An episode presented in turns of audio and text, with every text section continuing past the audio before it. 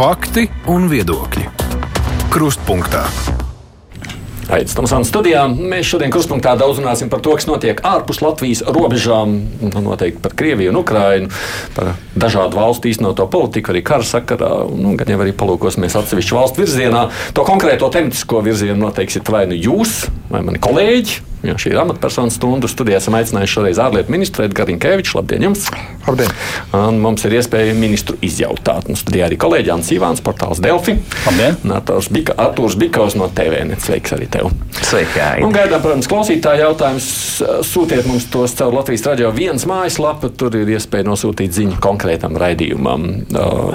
Un droši vien par tām konkrētajām lietām kolēģi tūlīt jautās. Es tikai ievadā gribu paprasīt, arī reaģējot uz vienu klausītāju jautājumu šeit jau atsūtīto tagad raidījuma laika sākumā, kur viņš saka, jūs taču tur jau esat jau desmit gadus savā metā. Ir tiešām tik daudz. Briesmīgi, vēl 11. 11. Visilgāk strādājušais ministrs šobrīd no esošās valdības. Uh, kā izskatās vienkāršā salīdzinājumā šobrīd ar tām iepriekšējām valdībām? Kā te notiek darbs? To negribētu pārvērst par tādu atmiņu ugunskura. Bet uh, es domāju, ka katrai valdībai ir kaut kādas savas interesantas iezīmes, kas ir atkarīgas gan no politisko spēku sastāvā. Nu, ir aizgājis tikai viens mēnesis aizritējis.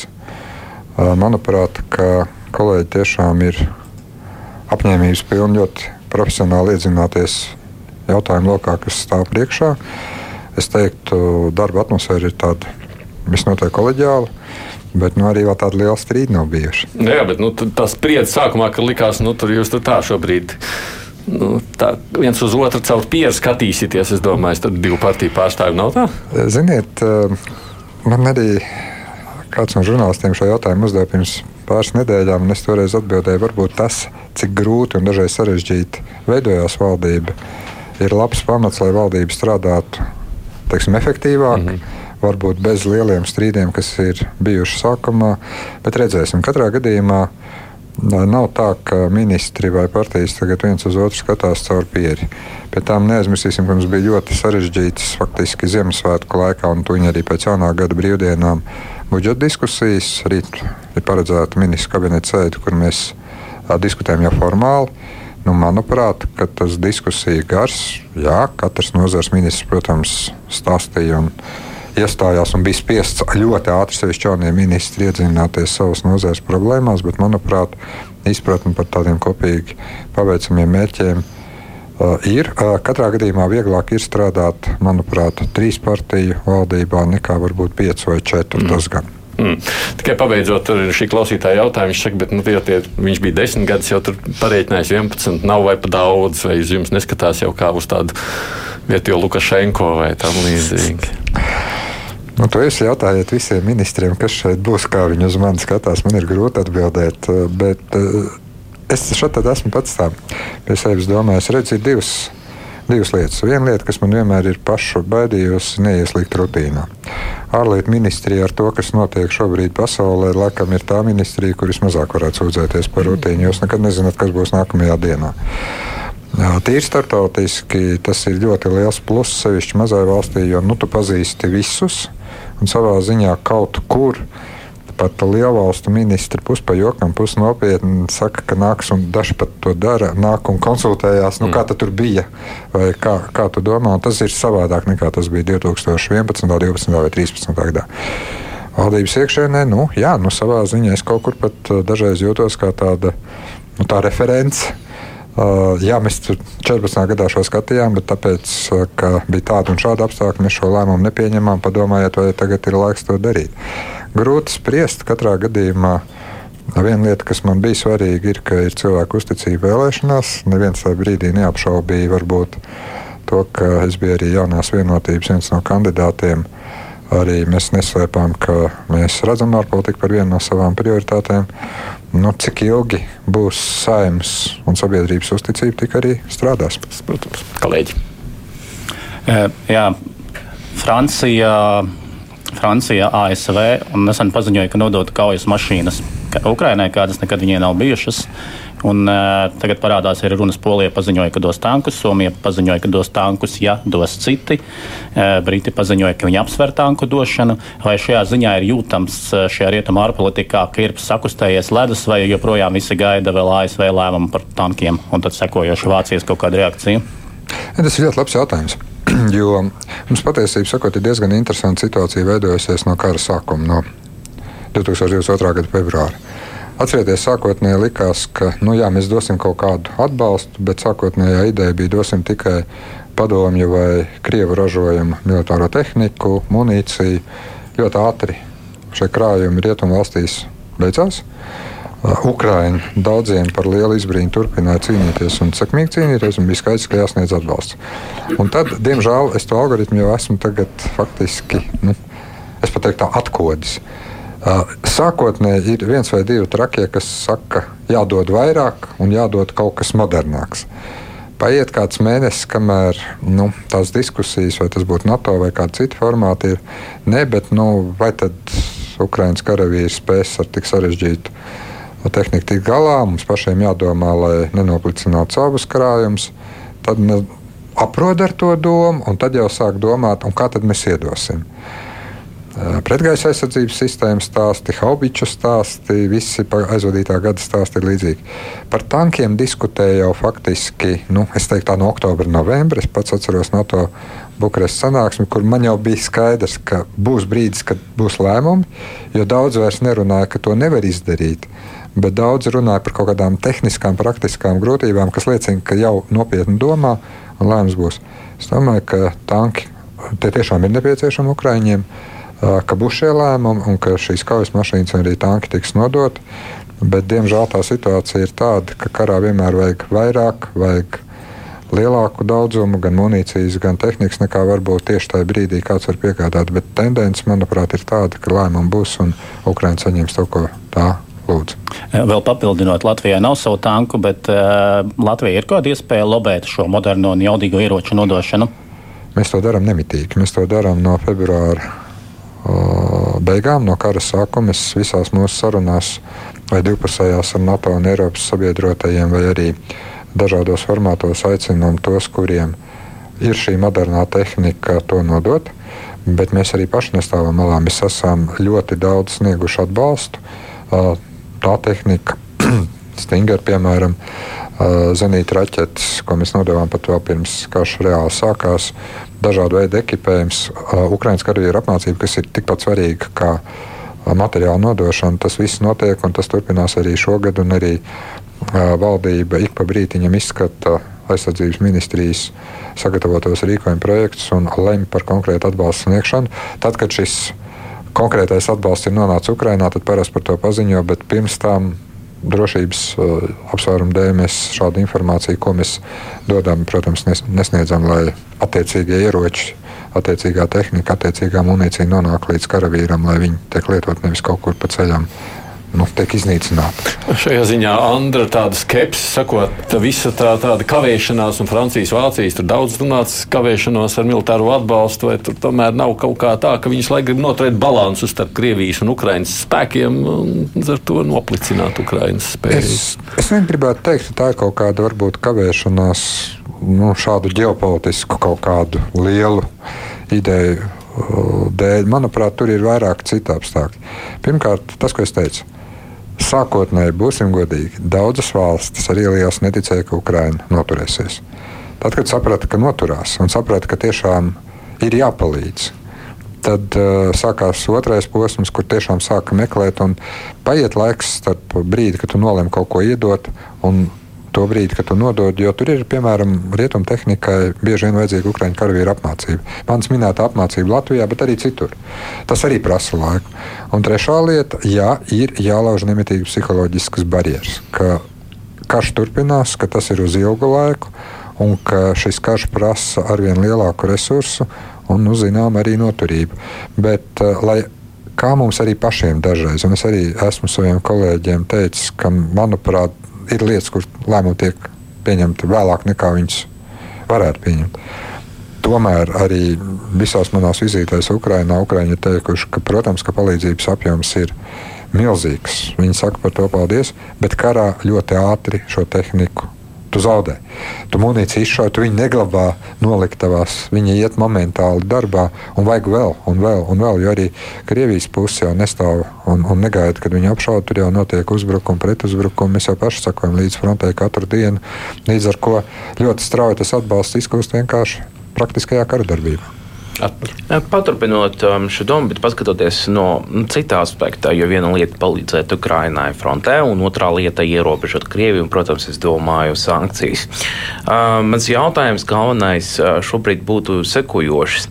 Um, Vai kādas jaunās sankcijas uh, Eiropas Savienība un Rietumu valstis plāno kopumā ieviest? Tas ir pirmais. Un otrais, cik aktīvu lomu šeit spēlē Latvijā un varbūt ir kaut kādas personas vai ekonomikas sektori, kurās ir prioritāras Latvijas ārlietu dienestā skatu punktā? -hmm.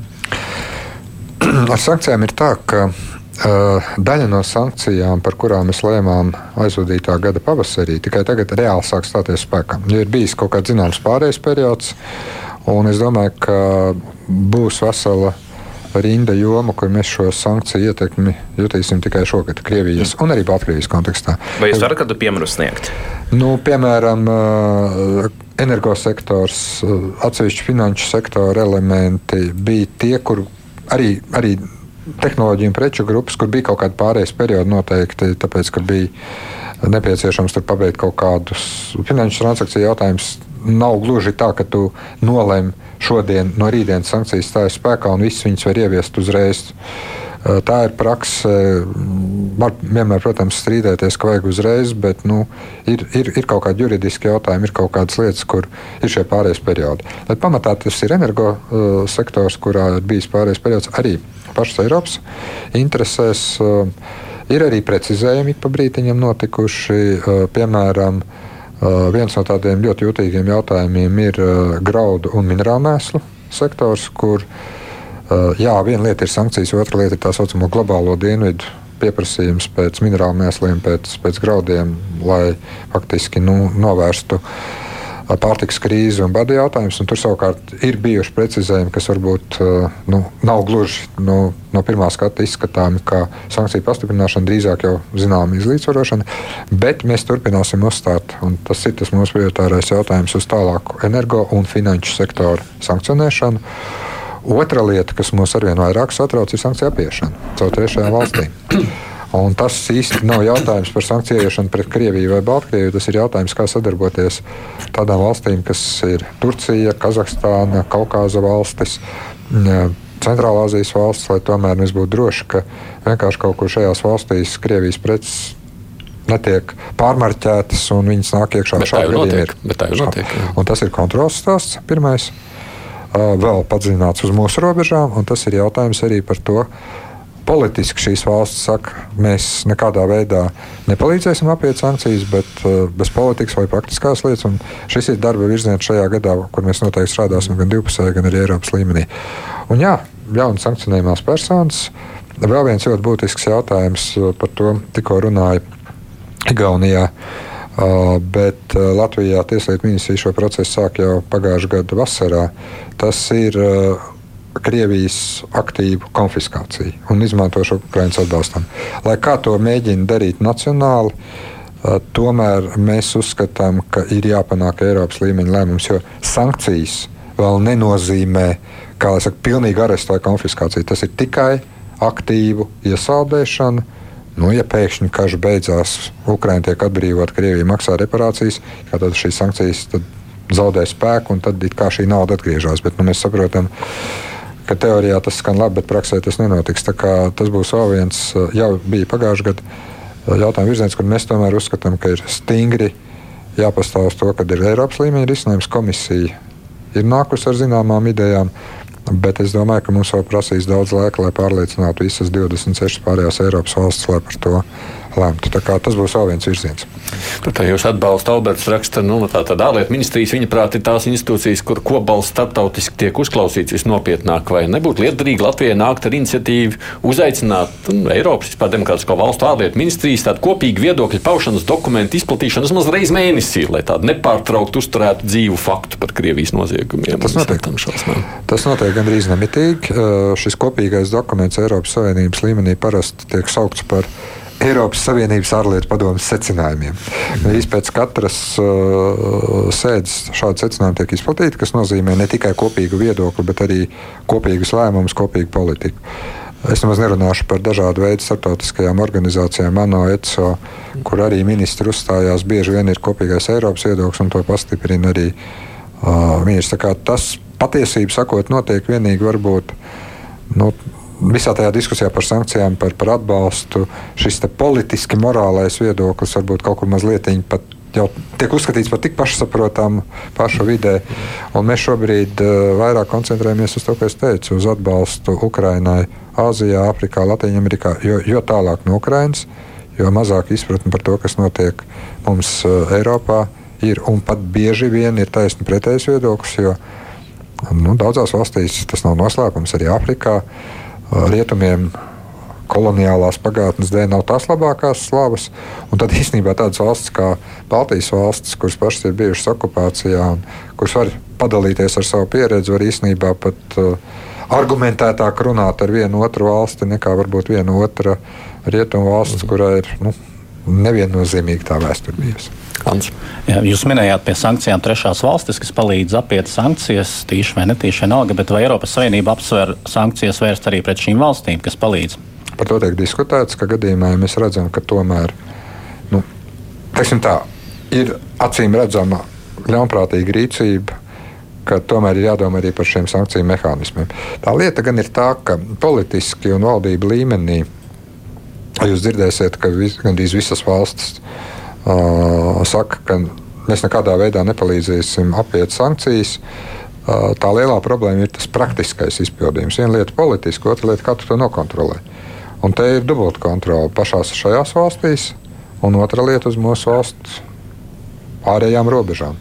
Uh, ne viss tur tiešām ir gludi. Ta, tas ir viens no tiem lielajiem caurumiem, ko mēs arvien vairāk konstatējam. Mm.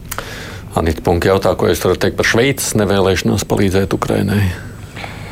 Nu, Šveice tradicionāli ir teikusi, ka tā ir neitrāla valsts. Tā pašā laikā Šveice ir pievienojusies uh, daudzām Eiropas Savienības sankcijām pret Krieviju.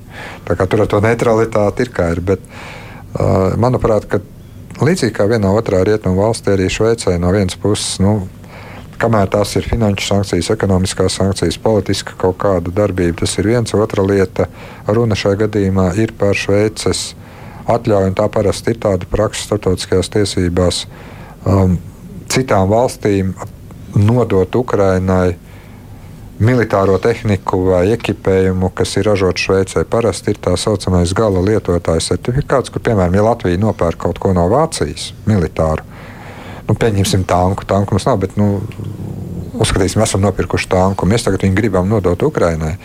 Tad tradicionāli noteikti aizsardzības ministrija būs parakstījusi tā saucamo gala lietotāju certifikātu, kas nosaka, ka bez ražotāja valsts vai pārdevēja valsts atļaujas šo tehniku trešajām valstīm nodot nevar. Tas ir arī daļa Bet no. Tas tā ir? Tas ir daļa no tās arī tās sankciju politikas, jo piemēram 90. gados mums arī ir bijuši nu, lielāki, mazāki skandāli, pat krimināla procesi, kur ir ieviesta sankcija, piemēram, saistībā ar Kalnu Karabahas konfliktu.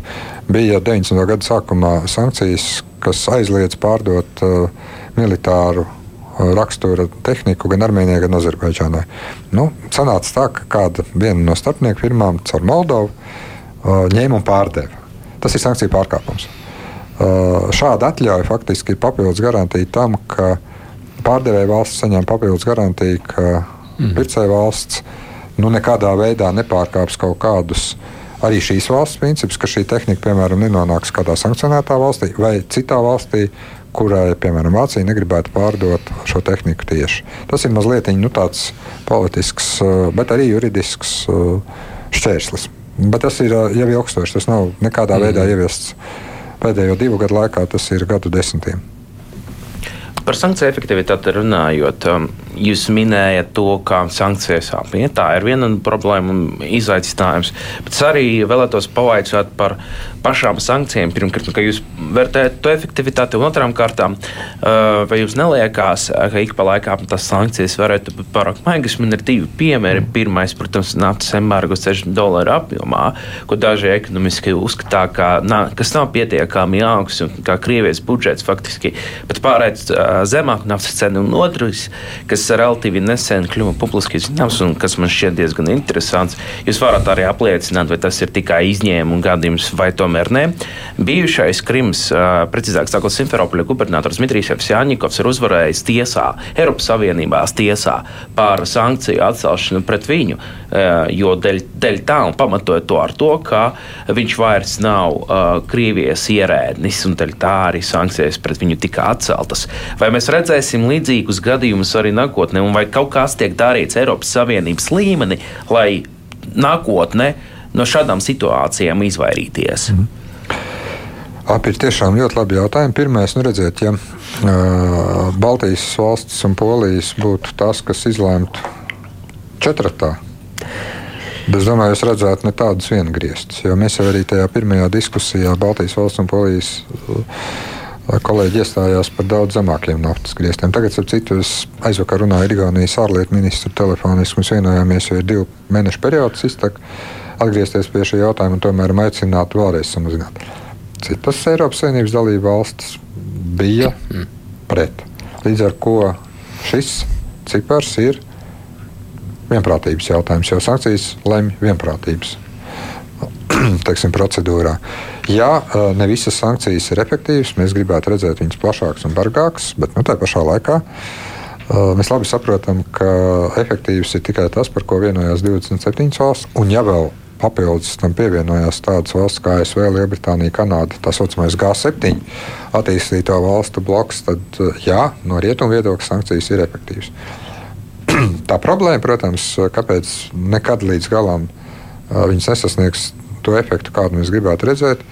Protams, ka ir arī iespēja tirgoties ar Āziju, ar Āfriku, ar Latviju Ameriku, kas šīs sankcijas neievieš. Uh, un kuras, teiksim, kā jau es teicu, uzskata, ka tas ir kaut kāds Eiropas iekšējs konflikts un ne mūsu daļa. Tā kā šeit eh, es pilnīgi piekrītu, ka ne viss, eh, par ko mēs lemjam, mūs apmierina. Bet eh, tad mums ir tā izšķiršanās. Nu, labi, uzliksim veto, un tad nebūs nekā. Bet tomēr maksimāli spiežam uz pakāpeniski stingrāku lēmumu pieņemšanu, un, un naftas cenu griezti varētu būt vēl viens jautājums, par ko mēs diskutēsim tagad. Pēc desmit dienām būs nu, jau šajā gadā pirmā Eiropas ārlietu padome. Un tad arī cīnīsimies par to, lai tos grieztus vēl vairāk pazeminātu. Bet šis ir labs piemērs, kur gribējām stingrāk, sanāca kompromiss. Uh, otra lieta par šīm tiesvedībām. Redz, tas ir tas, ko dažreiz cilvēki līdz galam nesaprot, ka Eiropas Savienības sankcijas ir pakļautas Eiropas Savienības tiesas kontrolē. Līdz ar to tas nav tikai politisks lēmums, tur ir jābūt pietiekamam juridiskam pamatojumam. Sankcijas nav sots, kā daudzi domā. Sankcijas ir piespiedu līdzeklis, lai mēģinātu ietekmēt vai valsti vai konkrētas personas pārtraukt to vai citu, nu, pārsvarā jau pretlikumīgu rīcību. Bet tas ir ietekmēšanas piespiedu līdzeklis, tas nav sots. Tāpēc arī nevar, un tāpēc arī jāizstrādā jauns regulējums, piemēram, šai konfiskācijai, jo sankcionēts nenozīmē savākts. Sankcionēts nozīmē uz laiku ierobežota rīcība. Un šeit mums jau ir bijusi pieredze, kāpēc arī Eiropas Savienības padome un tās juridiskais dienests ir kļuvuši mazliet uzmanīgāki. Kad pirms vairākiem gadiem tiesa atcēla vairākus lēmumus par tā laika Ukraiņas bijušā prezidenta Janukoviča pietuvināto cilvēku sankcionēšanu. Un tagad arī tas viens no jautājumiem, ko mēs arī pastāvīgi analizējam, ir, ko darīt ar personām, kuras tika sankcionētas būdamas amatos, bet viņas vairs nav šajā amatā. Un iespējams, kaut kāda iemesla dēļ tās pat ir pametušas Krieviju. Es teiktu, ka Manuprāt, šīs sankcijas būtu jāsaglabā, tāpēc ka mēs jau pieņēmām to lēmumu brīdī, kad šīs amatpersonas bija tur, kur viņas bija. Un, piemēram, Simferopola Krīma no Eiropas Savienības puses netiek atzīts kā Krievijas sastāvdaļa no starptautiskās sabiedrības kopš 2014. gada. Bet Eiropas Savienības ties, tiesneši skatījās savādāk. Kāda ir tālākā saka, ko darīt tālāk, lai izvairītos? Pirmkārt, parasti tiek ļoti rūpīgi izanalizēts tiesas spriedums, lai saprastu, kas ir bijuši konkrētie tiesneša argumenti pieņemot šo lēmumu, ņemt vērā viņu tālāk un precizēt sankciju lēmumus. Ko tas nozīmē? Tas, tas nozīmē tikai to, ka dažreiz diskusijās un gatavojot sankcijas ir divi veidi grupas. Tā saucamais relaks, kas ir juristi, un koest, kas ir nu, šie politiskie reģionālie. Un tad, eh, tad faktiski šīm abām grupām ir jāpanāk vienošanās, ka pilsonis X, Y vai Z eh, ir sankcionējums, un tad tas iet vēstniekiem, un tad tas iet ministriem, un ministri ir tie, kas pieņem lēmumu par sankcijām. Bet mums ir ļoti daudz tiesvedības. Eiropas Savienības tiesā visi faktiski sankcionēti oligārhi ir tiesā. Uh, pilnīgi visi sasnieguši, kur uh, Eiropas Savienības tiesas spriedumi arī ir gaidām tuvākā laikā. Tā kā visi, protams, tie, kas ir sankcionēti, kas kam ir ko zaudēt vai kam ir par ko uztraukties, tie uh, iet arī šo tālāko ceļu pēc sankciju pasludināšanas uz Eiropas Savienības tiesu. Mm. Nu, tas mazs jautājums tikai no Roberta. Kas tad zināms par Latvijas pilsonības apņem, atņemšanu Piotram Avenam? Kaut kā medijos par to vairs nedzird. Nu, likums nosaka ļoti konkrētu procedūru. Lēmumu pieņem pilsonības migrācijas lietu pārvalde pēc valsts drošības iestāžu mm. priekšlikuma. Cik es zinu, tad uh, iestādes strādā, bet arī šie lēmumi, līdzīgi kā manis tikko minētie uh, sankciju jautājumi, ir apstrīdami tiesā. Tāpēc es domāju, ka šajā gadījumā ir arī svarīgi ļoti precīzi juridiski tiesisks lēmums. Bet nu, šis jautājums, cik tālu mēs esam, būtu uzdodams kompetentai institūcijai. Ārlietu ministrs nepiešķir, neatņem pilsonību. Nu, es varu tikai teikt to, ka uh, tiesiskā valstī ir pieņemts likums, ir ļoti skaidra procedūra. Uh, un ir arī skaidri jāsaprot, ka uh, šai gadījumā, līdzīgi kā tas būtu sankcijas vai jebkāds lēmums, ko mēs pieņemam, nu, šie cilvēki izmanto jebkādu iespēju, lai iet uz visām iespējamām tiesām. Tāpēc viņiem ir jābūt ne tikai politiskiem, bet arī ļoti stingri juridiski pamatotiem lēmumiem. Atgādināšu tikai klausītājiem, ārlietu ministrs Edgars Sinkevičs mums ir studijā un iespēja viņu izstāvēt gan klausītājiem, gan arī Ansim Ivānam no portāla Delfa un Arturam Pikovam no TVNet portāla. Raidījums Krustpunktā. Ants. Jā, lai Ukraina uzvarētu Krieviju, agrāk vai vēlāk būs nepieciešami triecieni Krievijas teritorijā, un kā pašlaik ir rietumus sabiedrībā, nu, politiķiem, eh, lēmumu pieņēmējiem ar gatavību atļaut izmantot rietumu ieročus pret Krieviju. Ne Krimu, bet tieši Krieviju. Ziniet, faktiski nu es nezinu, vispār, vai ir tāds pat liegums izmantot ieročus. Jo kaut kur kādreiz presē parādās tādas nu, ziņas. Par Haimars konkrēti bija runas, ka amerikāņi kā nesot ļāvuši izmantot pret Krieviju, bet ka Krīma ir Ukraina, tāpēc tur drīkst. It kā uzsvērsim šo it kā. Jo diskusijās, kas mums ir bijušas, nu, tas arī diezgan skaidri esmu paudzis no savu pozīciju, sakot, ka ja Krievija izmanto lidlaukus savā teritorijā, ja raķetes vai lidmašīnas tiek palaistas pret energoinfrastruktūru, militārās operācijās triecieni pa šādiem objektiem ir absolūti leģitīms mērķis, un tas būtu atļaujams. Jo, eh, ja kāds eh, laiž raķetes no bāzes kaut kur Krievijā, un tas iznīcina Ukraiņas civiliedzīvotājus, energoinfrastruktūru, Ukraiņai ir tiesības atbildēt. Es, cik es esmu runājis ar rietumu kolēģiem, cik es esmu runājis ar Ukrāņiem, viņi man nav teikuši, ka ir aizliegums kaut ko izmantot. Drīzāk tas ir praktisks jautājums par to, kur un kā tu izmanto diezgan ierobežotu resursu. Bet nu, mēs zinām, ka ir arī diezgan daudz ziņojumu, kas rāda, ka zināmas operācijas nu, nav jau tā gluži, ka Krievijas karavīri to vien dara, kā smēķē savu lidlauku tur noliktā tūmā. Un tas viss aizdegās ar tādu ļoti, ļoti nu, jau dīvainu regularitāti. Protams, ka šīs operācijas vienmēr ir stipri klasificētas. Protams, ka tas ir Ukraiņas ziņā, cik daudz un ko viņi atklāja.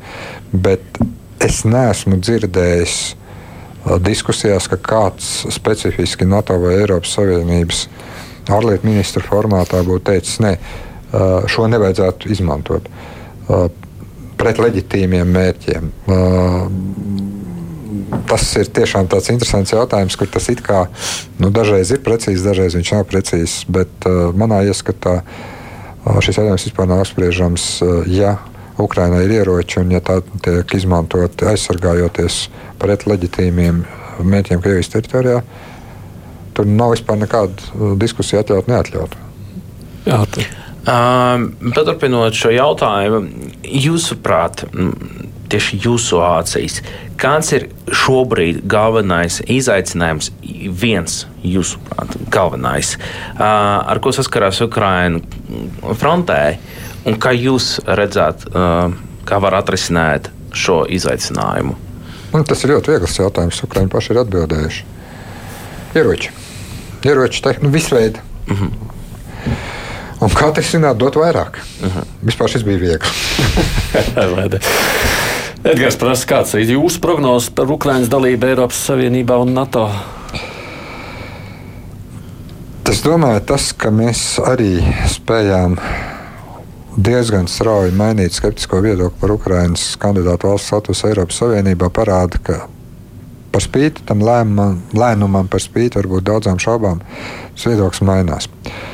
Taču es atturētos prognozēt par to, kurā brīdī Ukraiņa varētu kļūt par Eiropas Savienības dalību valsti pilntiesīgu. Ir karš, ir ļoti daudz lietas pa priekšā jāizdara. Tad būs atjaunošanas fāze. Bet es domāju, ka Ukraiņai pašreiz šī situācija ir tāda, kas tai paver tiešām zelta mega iespēju uh, karam beidzoties. Un es tomēr esmu tajā pusē, kas saka ar uzvaru mācoties no šī kara, mācoties arī no iepriekšējām varbūt tām pieredzēm, kas ir bijusi, izveidot tādu valsts pārvaldi faktiski no jauna, kas, nu, kas diezgan ātri varētu adaptēties un integrēties Eiropas Savienībā. Ar NATO tas ir mazliet sarežģītāks jautājums. NATO tas, protams, ir vienprātības princips pagaidām 30, cerams, 3, 32 dalību valstu līmenī. Um, ir valsts, kur šobrīd kategoriski atskās par šo diskutēt. Jūs zināt, kaut kur visu laiku staigā idejas par kaut kādām īpašām drošības garantijām Ukrainai ārpus NATO. Nu, kādas, piemēram, drošības garantijas deva Budapestas memorands 94. gadā, mēs zinām, kā tas tika pārkāpts. Tad tas nevar būt tikai papīrs, tam ir jābūt kaut kam vairāk. Tā parādās pēkšņi kaut kādas pavisam interesantas idejas par drošības garantijām. Krievijai īstenībā nesaprot, pret ko tās garantijas būs pret Ukraiņu nezinu, uzbrukumu un operācijām Vladivostokā. Tā kā še, šeit es neredzu šobrīd, eh, ka dalība valsts būtu vienots, bet nu, mēs uzskatām, sākot no 2008. gada, tāda bija Latvijas pozīcija, ka, ja mēs esam solījuši Ukraiņai un Grūzijai dalību NATO, tad, tad ir jāvirzās arī, lai šo solījumu pildītu. Pēc tam es domāju, ka tā Ukraina, kāda šobrīd veidojās, NATO pilnīgi noteikti militāri būtu tāds pienesums, kādu mums noteikti vajag. Par politiskiem jautājumiem, protams, var diskutēt, par teritorijām var diskutēt, bet pagaidām NATO nav vienprātības. Tas ir diskusija jautājums, tas ir arī jautājums par to, kā attīstīsies kara darbība. Bet Latvija ir atbalstījusi Ukraiņas dalību jau labi sen. Vai kaut kur rietumu valstu aprēķinos, cik daudz palīdzēja Ukrainai kā vērsties pret Krieviju, figurē kaut kādas bailes no Krievijas sabrukuma, kā arguments, ka kaut ko nedarīt?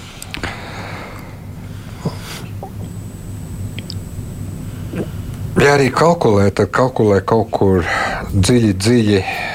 Uh, Kulāra sarunās kaut kur kādās ministrijās vai, vai kancelējās, bet ne gluži diskusijās, kas notiek nu, tādā daudzpusējā līmenī. Es domāju, ka kaut kur varbūt kāds par to domā, bet, ziniet, mēs šeit gribētu tomēr teikt vienu. Jā, mēs tiešām esam priecīgi redzēt, ka Ukraina tikai spēja noturēties pret agresiju, bet sāk atbrīvot teritorijas. Jā, mēs ļoti gribam, lai karš pēc iespējas ātrāk beigtos ar Ukraiņas uzvaru. Bet, ja cilvēki, karš turpinās. Uh, nākamie pāris mēneši būs ļoti, ļoti grūti. Par to runā Ukraiņa, par to runā visi analītiķi. Mums ir jāmobilizē vēl papildus atbalsts Ukraiņai. Uh, es teiktu, mana pieeja būtu tāda. Pirms uh, teoretizēt par kaut kādām lietām, ir jāgatavojas visiem scenārijiem. Mums ir jāizdara viss, lai Ukraiņa uzvarētu. Es domāju, ka mums ir jāsaprot, ka Krievija neapstāsies ne pie kāda upuru skaita, ne savu pilsoņu, ne Ukraiņas iedzīvotāju uh, iznīcināšanā. Tāpēc, ka šim režīmam, kas ir Krievijā, tas ir izdzīvošanas jautājums. Tātad tas ies līdz galam. Uh, resursi ir daudz, varbūt nav tik daudz modernu, dažādu militāru vērķu, bet resursu vēl ir daudz. Līdz ar to es drīzāk teiktu, mums ir jābruņojas ar stratēģisku ne tikai pacietību, bet arī maksimālu izturību. Mums ir jādara viss, un nedrīkstam atslābt neviens, lai atbalstītu Ukraiņu. Mums nav jāteoretizē, vai tur jābaidās no Krievijas sabrukuma vai nav. Ja tas notiks, diez vai mēs tur daudz ko varēsim ietekmēt, tad tas notiks iekšējā procesa rezultātā. Bet jā, mums ir jābūt gataviem šādam scenārijam arī, nu, sevišķi ņemot vērā, ko tas varētu nozīmēt A. kodolieroči, B dažāda veida migrācijas plūsmas, C, dažāda veida iekšēji procesi. Bet, ziniet, mēs šobrīd, varbūt tas ir īsredzīgi, bet mēs šobrīd koncentrējamies uz Ukraiņas uzvaru, uz Krievijas maksimālu novājināšanu. Bet es nedomāju, ka, ka, varbūt, ka, ka, ka šis ir tas, par ko tagad diskutē ļoti daudz citi šobrīd. Noteikti scenāriji tiek zīmēti dažādi, bet kas notiks dabā, pirmkārt notiks Ukraiņu karavīru frontē. Klausītājiem varbūt daļai to saku, man kādu no jautājumiem atkārtojas, kurus jau mēs esam atbildējuši. Tā kā ja jums ir iznācis ieslēgt vēlāk, tad varbūt vienkārši pārklausieties raidījuma sākumu. Es tos pašus neatkārtošu vēlreiz. Valdes prasa tā, vispirms saka paldies ministram par darbu Latvijas labā, bet ko ministrs domā par TV reina apraides atjaunošanu Latvijā? Tas ir tiesas lēmums, jo Nepilp mums ir neatkarīga institūcija, ir vadījusies no drošības iestāžu atzinumu, no arī tiem argumentiem, kas ir minēti lēmumā. Manuprāt, ka šobrīd, ņemot vērā, ka TV Reini ir pārsūdzējis šo lēmumu tiesā, tas ir varbūt pats labākais, kas tiesiskā valstī var notikt, ka tiesa samēros gan drošības, gan likuma pārkāpumu, gan preses brīvības standartus un sniegs savu kvalificētu lēmumu. Tā kā No šāda viedokļa raugoties, mūsu politika no 2014. gada ir bijusi diezgan skaidra. Mēs esam devuši iespēju daudziem tiešām vajātajiem Krievijas un arī Baltkrievijas žurnālistiem. Atcerēsimies 20. gadu, kad arī šeit daudz Baltkrievijas žurnālisti ieradās strādāt. Latvijas likuma ievērošana ir pamatu pamats. Daudz arī strādā un par tiem daudz nedzird. Arī šeit man šodien no rīta bija tikšanās ar Radio Brīvību, Brīvā Eiropas prezidentu. Šeit, tāpat kā Lietuvā tiek atvērts birojs, kas arī strādās, nu, tas arī ir daļa no mūsu kopējā, ne tikai Latvijas vienas, bet arī sabiedroto pienesumu šajā informatīvajā karā. Var vērtēt dažādi. Bet, eh, bet es šajā gadījumā domāju, ka uh, politiķiem tomēr būtu būtiski ievērot zināmu arī tādu principu, ka jautājumus, kurus izšķir neatkarīgas institūcijas, un tad skata tiesas, tomēr sagaidīt šo lēmumu. Ja mēs tiešām vienmēr sevi esam definējuši kā tiesisku, demokrātisku valsti, un ja mēs gribam atšķirties no Krievijas vai Baltkrievijas. Mm. Artur. Es domāju, ka arī ir vērts apskatīt to, kā, kā ar Ukraiņā ir ietekmējis situāciju reģionā kopumā, it īpaši um, tos reģionos, kur Krievijai bija savā ziņā diezgan nozīmīga un svarīga loma. Jūs pati minējāt Kalnu-Karabahu konfliktu, līdz ar to es vēlētos labprāt pievērsties uh, Kaukāzes reģionu un centrālajā arī kopumā uh, atsevišķi.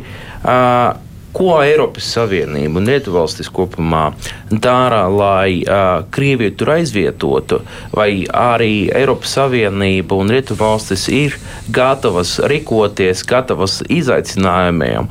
Dēļ tā, ka, teiksim, ja mēs runāsim un pieminēsim to pašu Kalnu-Karabahu, šķiet no malās, ka situācija tur šobrīd pasliktinās dēļ tā, ka Krievijai it kā vairs nav, nu, kā vismaz viņa sevi mēdz pasludināt, tā vidutāja loma. Viņa absolūti vienalga, kas tur šobrīd notiek, acīm redzamu iemeslu dēļ, vai Rietumvalstis un Eiropas Savienība, Latvija, protams, ir gatava uh, rīkoties un uh, situāciju labot.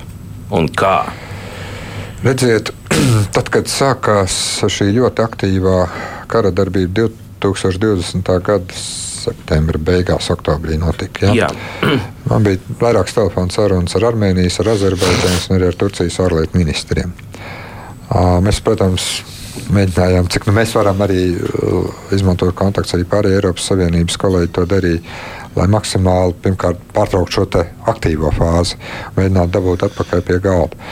Te ir trīs lietas, kas ir jāņem vērā. Pirmā lieta, cik pašas valstis ir gatavas uh, pieņemt Eiropas Savienību. Jo šajā reģionā ļoti nopietns spēlētājs ir Turcija, ļoti nopietns spēlētājs, protams, ir Krievija. Un, protams, arī šeit ir nu, šī ārkārtīgi sarežģītā situācija, jo uh, ir tautu pašnoteikšanās tiesību princips, ir teritoriāls nedalāmības princips un tomēr ir arī konflikta mierīgas risināšanas princips. Līdz šim visi tie mēģinājumi, tā saucamās Minskas grupas ietvaros, gadu desmitiem kaut kā līdzsvarot, nu, beidzās ar to, ar ko viņi beidzās. Un, uh, jāsaka, ka nu, es nedzirdēju tajā brīdī, un arī tagad tādu ļoti lielu vēlmi, ka vēl ienāk kāds trešais vai ceturtais spēlētājs, kas kaut ko ļoti sāk darīt. Bet ko ir darījusi Eiropas Savienība? Šāds Mišels ir diezgan regulāri uzturējis kontaktu gan ar Armēnijas, gan ar Azerbaidžānas līderiem. Jums ir pilnīgi taisnība. Krievija noteikti ir aizņemta ar savu karu pret Ukrajinu. Ir piemirsusi par vienu no saviem sabiedrotajiem Armēniju, un Armēnija sāk jau diezgan skaļi paust neapmierinātību. Bet Armēnijas situācija ir tāda, kāda tā ir geogrāfiski un vēsturiski. Mēs redzam, ka Krievija faktiski no šīs lomas ir atteikusies. Turcija turpina būt aktīva. Un Eiropas Savienības diplomātija, gan padomus prezidenta, gan augstā pārstāvja prezidenta, gan dalību valstu līmenī cenšas faktiski puses satuvināt pie viena galda un mēģināt to, to procesu risināt. Ik pa brīdim paralēli kaut ko dara Krievija, ik pa brīdim paralēli parādās arī ASV faktors. Protams, arī nu, Turcijai mazliet savs redzējums uz lietu kārtību.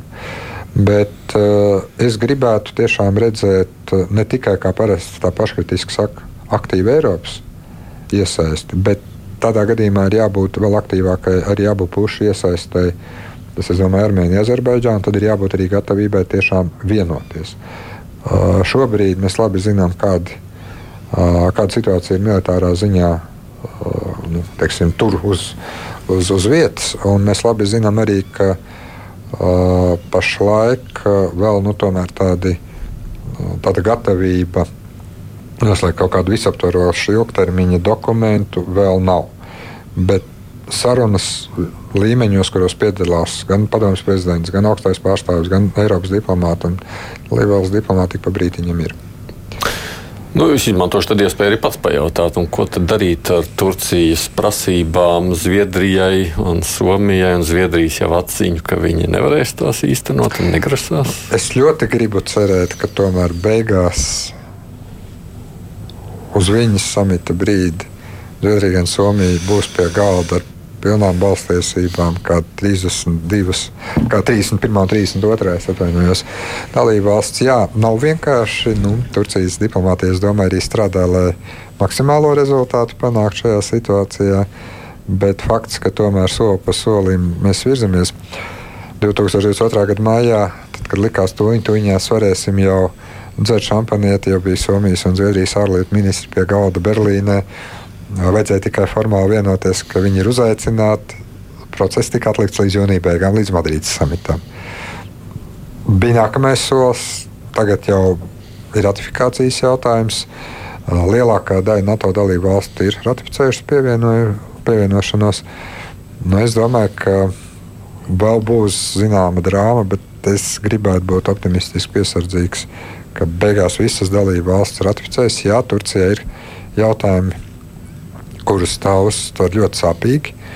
Sevišķi saistībā ar to, ko viņi dēvē par kurdu teroristu organizācijām, kur ir bijuši dažādi lēmumi Zviedrijā un Somijā. Sapratu, ne visi lēmumi ir valdības ziņā, ir arī tiesas lēmumi. Arī Latvijā, ja tiesa lems kādam piešķirt politisko patvērumu, ja pretīm pilsonības migrācijas lēmumam, tiesas lēmums būs galīgs, un mēs viņu respektēsim un izpildīsim. Nu, tas, tas ir tā kā ir. Nu, šis ir sarežģīti, bet es saglabāju piesardzīgu optimismu pēc sarunām ar Turcijas, Zviedrijas un Somijas ministriem. Pat, nu, tādā ziņā, ka Turks nu, cik varēs, tik mēģinās, un kad ko vairs nevarēs, tad piekāpsies. Tad ir izcinās visaugstākajā līmenī, kā Madridē risināja četras stundas Somijas prezidents, Turcijas prezidents, Zviedrijas premjerministra un NATO ģenerālsekretārs vēl atlikušās lietas. Mm, okay.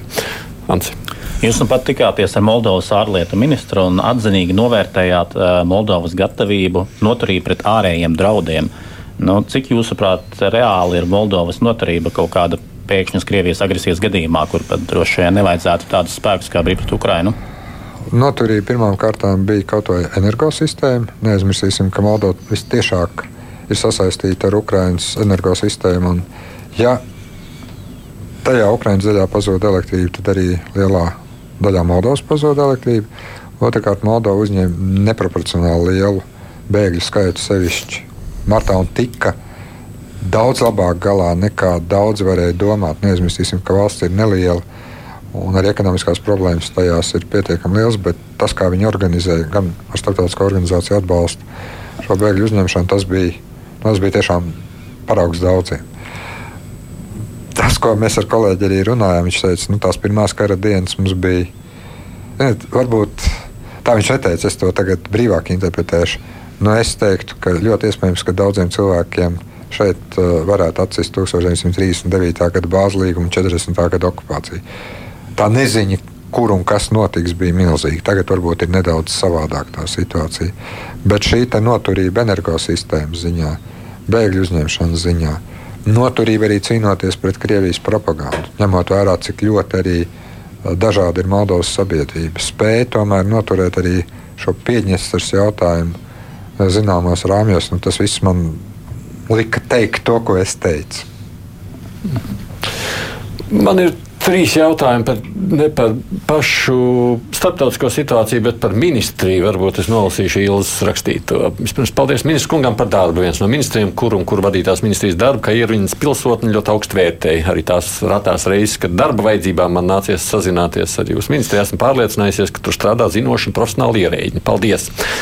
Bet laika laikam pieskatoties darba piedāvājumos, man izbrīna tās algas jums šķiet zemākās starp ministrijām. Vai ir plānots to mainīt? lai darbs ārlietu dienestā būtu interesants arī no atalgojuma viedokļa? Nav gluži zemākās, jo ārlietu ministrijas atalgojums ir daļa no vispārējā valsts pārvaldes atalgojuma. Bet jā, mēs jau uz iekšējā resursu rēķina, tad, kad stājās spēkā jauna atalgojuma sistēma, gan pagaidām, kamēr nav budžets, ar, bet to likums ļauj piemaksu palīdzību, esam palielinājuši sevišķi tam zemākajam līmenim. Kas mums ir tiešām, es pat vienreiz salīdzināju ar līdz algām, sākuma algu, un tomēr nu, tur ir diezgan daudz atbildības. Un arī tagad diskusijās par valsts budžetu, valsts pārvaldes atalgojumam tiek virzīti līdzekļi, kas arī tiks virzīti ārlietu ministrijai. Bet mums ir uzreiz divas problēmas jārisina. Viena ir tā pamatālga, kas tiešām nu, ir daļa no visas valsts pārvaldes atalgojuma. Tā sistēma, kas mums ir veidojusies, diemžēl gadiem ir bijusi tāda, un ceļš tas bija jūtams 8. un 9. gada krīzē.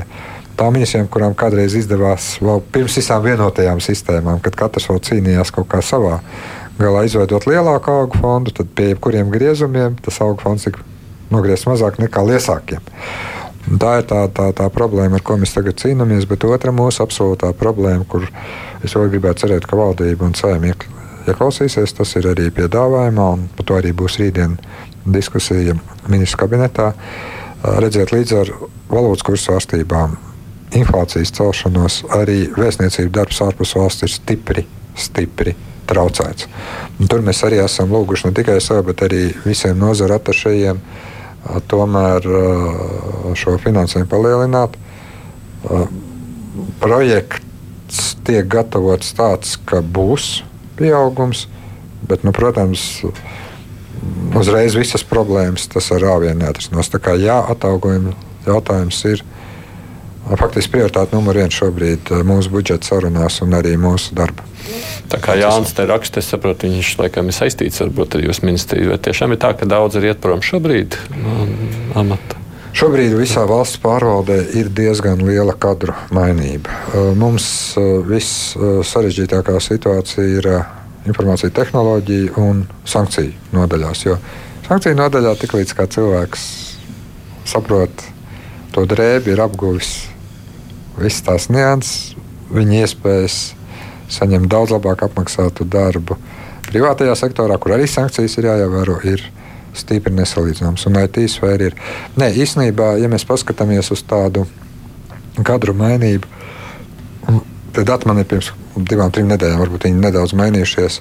Tīrās vakances atbrīvotās bija 14 uz uh, 300 darbiniekiem. Protams, mums vēl ir uh, diezgan ievērojams skaits cilvēku, kas atrodas bērnu kopšanas atvaļinājumā, kur it kā ir tā īslaicīga aizvietošana, kur arī nemaz tik vienkārši nevar aizvietot. Bet uh, mēs esam nonākuši pie tās situācijas šobrīd, un ārlietu ministrija ir tikai viena no, kur valsts pārvaldē kā viņiem vienā brīdī ir bijis tā, ka nāc strādāt, jo kādā brīdī atalgojums ir labāks. Tā tagad uh, man ļoti daudz kolēģi ministri saka, ka cilvēki iet prom un ārlietu ministrija nav izņemts. Šis jautājums tiešām ir tāds, kur mēs ceļam trauksmi, mēs redzam ļoti, ļoti bīstamas tendences, jo aiziet arī cilvēki, kas ir ne tikai labi sagatavoti, bet kuriem ir nemazāk svarīga lieta, kā piemēram valsts noslēpuma pielaide. Kaut vai lai to iegūtu. Tur arī tās pārbaudas notiek mēnešiem. Tas arī nav tā tu atnāc uz ministriju un sāc uzreiz strādāt. Tas ir, tas ir process, kā nav tā, ka ir ļoti daudz aizgājuši. It kā formāli pavisam tukšo vakanču skaits ir neliels, bet tendence ir satraucoša. Mm. Pāris minūtes mums ir, kurš vēl kāda.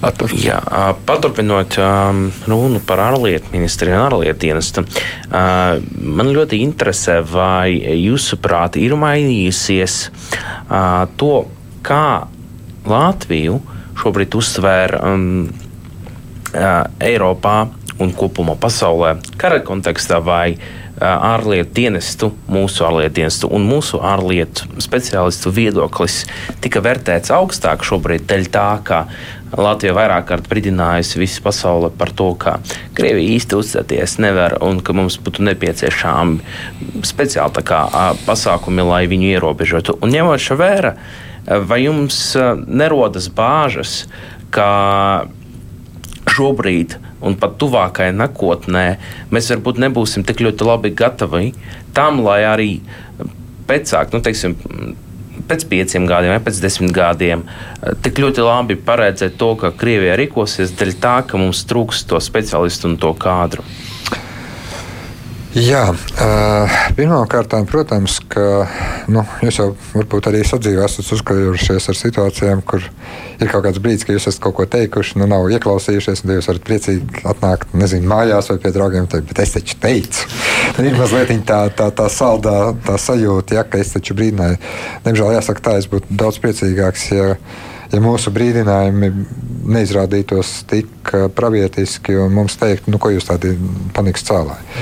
Nē, jā, mums eh, tagad tā situācija ir tāda, ka, protams, ka ieklausās un eh, ļoti daudzi politiķi pilnīgi atklāti saka, ka viņi atzīst, ka viņi ir ignorējuši un, un, un, un uzskata, ka mums ir taisnība. Bet, ziniet, tas nenozīmē, ka mums visu laiku nav nemitīgi jāatgādina, bet tagad gan lūdzu nesiet tik atkal nāvi. Mm. Turpinām varbūt to sankciju politiku. Nav tā, ka tagad, ziniet, kur nu parādās Latvijas, vai Igaunijas, vai Lietuvas diplomāti, visi uzreiz ir, kā lai saka, gar zemi un saka, nu, viss klausīsimies. Tas ir nemitīgi. Otra lieta, jā, jums ir pilnīgi taisnība. Īsti, mēs ar, ar gadiem, protams, aizejot no tās padomju telpas, no tās krieviskās telpas, no tās arī valodas zināšanas, no tās izpratnes. Uh, Mēs vairs neesam varbūt, tādi eksperti, kādi mēs bijām 90. gados, un tāpēc šī joma jau tādā ekspertīzes līmenī ir īpaši kopiena. Ārlietu ministrs Edgars Rinkevičs, Arturs Bikaus, TVN, Tants Ivāns, Patāls Dēls. Paldies jums par atnākšanu šeit uz studiju. Vienkārši pasaka, rīt, kā jau parasti piekdienās notikumus komentēs žurnālisti, gan par Ukrainu noteikti arī runāsim, un ne tikai arī par algām droši vien. Producentiem Junām studijā savukārt raidījumu vadīja Es Saidis Tomsons.